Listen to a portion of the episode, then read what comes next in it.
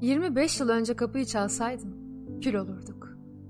Dayanamazdım sana canım benim. Kitapların yazmadığı bir aşk bu. Şarkıların söylemediği bir aşk. Çok daha genç olmak isterdim. Niçin? Genç değil miyim? Roma'ya benim kadar çılgın mıydı? Çok daha güzel olmak isterdim. Hayır, hiçbirini istemem bunların. Yalnız senin yanında olmak isterim.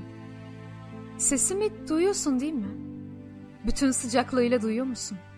Bütün ürpertisi, bütün büyüsü, bütün vecdiyle. Yanında olmak, ellerini okşamak, sana şarkı söylemek isterdim. Dünyanın en güzel şarkılarını. Sen yıldızlarla dostun. Kumsalda böceklerin vardı. İnsanlar birer yabancıydı senin için. Benim için düşman. İkimiz de gurbetteydik. Karşılaşsak tanıyamazdık birbirimizi. Acı hassasiyetini kabuklaştırıyor insanın. Ölmek galiba bu. Alışkanlıkların insanı pestile çeviren çarkı. Artık yanarak değil, tüterek yaşıyorum. Nemli bir tomar gibi. Kanatlarım her gün bir parça daha ağırlaşıyor. Galiba ihtiyarlıyorum. Duygularımı kapıda bekletiyorum. İçeride yabancılar var. Kapıyı açtığım zaman kimseyi bulamıyorum dışarıda. Beraberken anı yaşıyorum ve şuurun ırmağı bulanık. Yaşamaktan düşünemiyorum. İhsaslar kora halinde. Onları sınıflandırmak, isimlendirmek, billurlaştırmak zaman istiyor. Yaşamak veya yaşamamak. Yıllardır bu iki zıt arzunun pençesindeyim. Hayat, acılarımın sisli camı arkasındaki bir kabusa benziyor. Bazen komedilerin en adisi, bazen trajedilerin en dayanılması ve içimdeki cehennemden habersiz bir dünya. Çocuk olmadım hayatımda. İhtiyar doğdum. Onun için oyun arkadaşlığı edemezdim sana. Ama hikayeler anlatırdım. Ekmeğimi bölüşürdüm. Kumsalda oynayan çocuk benim çocuğum. Başını dizlerime daya. Saatlerce saçlarını okşamak istiyorum. Çektiğin bütün acılardan kendimi sorumlu tutuyorum. Tanrı gibi ve Tanrı adına utanıyorum. Seni bütün sevmeyenler için de seveceğim. Baban olacağım. Sahici annen, kardeşin olacağım. Ağlıyor musun? O gözyaşlarının hepsi benim. Uzat yanaklarını.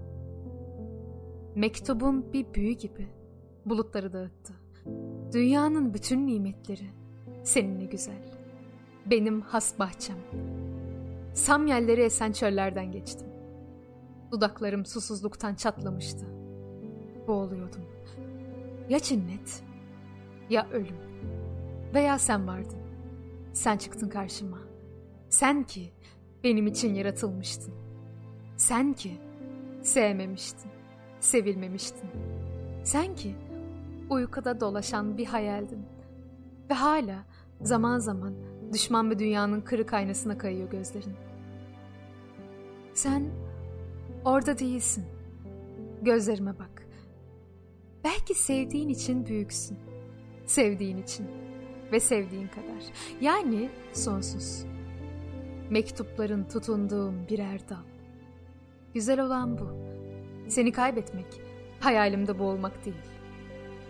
Aşk, dehadan çok daha nadir. Bunun için bin bir ihtimal bir araya gelecek. Arzda hayatın başlaması gibi bir şey. İnsanın maymundan üremesi gibi bir şey. Ben görmeyeceğim. Sen yaşamamış olacaksın. Ve bütün muhitimiz bakar kör olacak. Ne seni fark edecekler, ne beni. Ben kimseye benzemeyenim. Sen kimseye benzemeyensin. Kaderin çok iltimaslı kullarına bahşettiği bu ilahi ziyafete, bu ruh ve ten cümbüşüne layık olmaya çalışalım. İstikbal öyle sisli ki, o kadar dikenli ki. Yaşamak, kendini bir fırtınaya kaptırmak, yaratmak, fırtınaya söz geçirmek.